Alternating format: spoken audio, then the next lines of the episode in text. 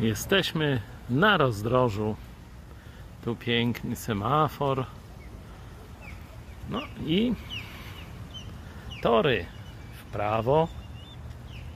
Stacja kolejowa albo w lewo. Zawsze musimy w życiu decydować.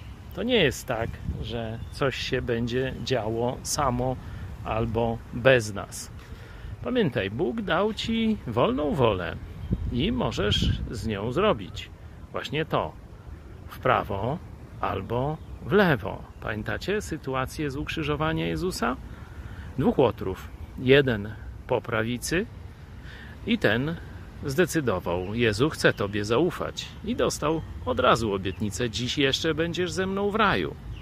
Ten w lewo wyśmiewał się z Jezusa. I tak jak Biblia kończy tę historię, prawdopodobnie nie uwierzył do końca, nie podjął właściwej decyzji. I Biblia opisuje, że jest wielu takich ludzi, że jest szeroka droga, wręcz highway to hell.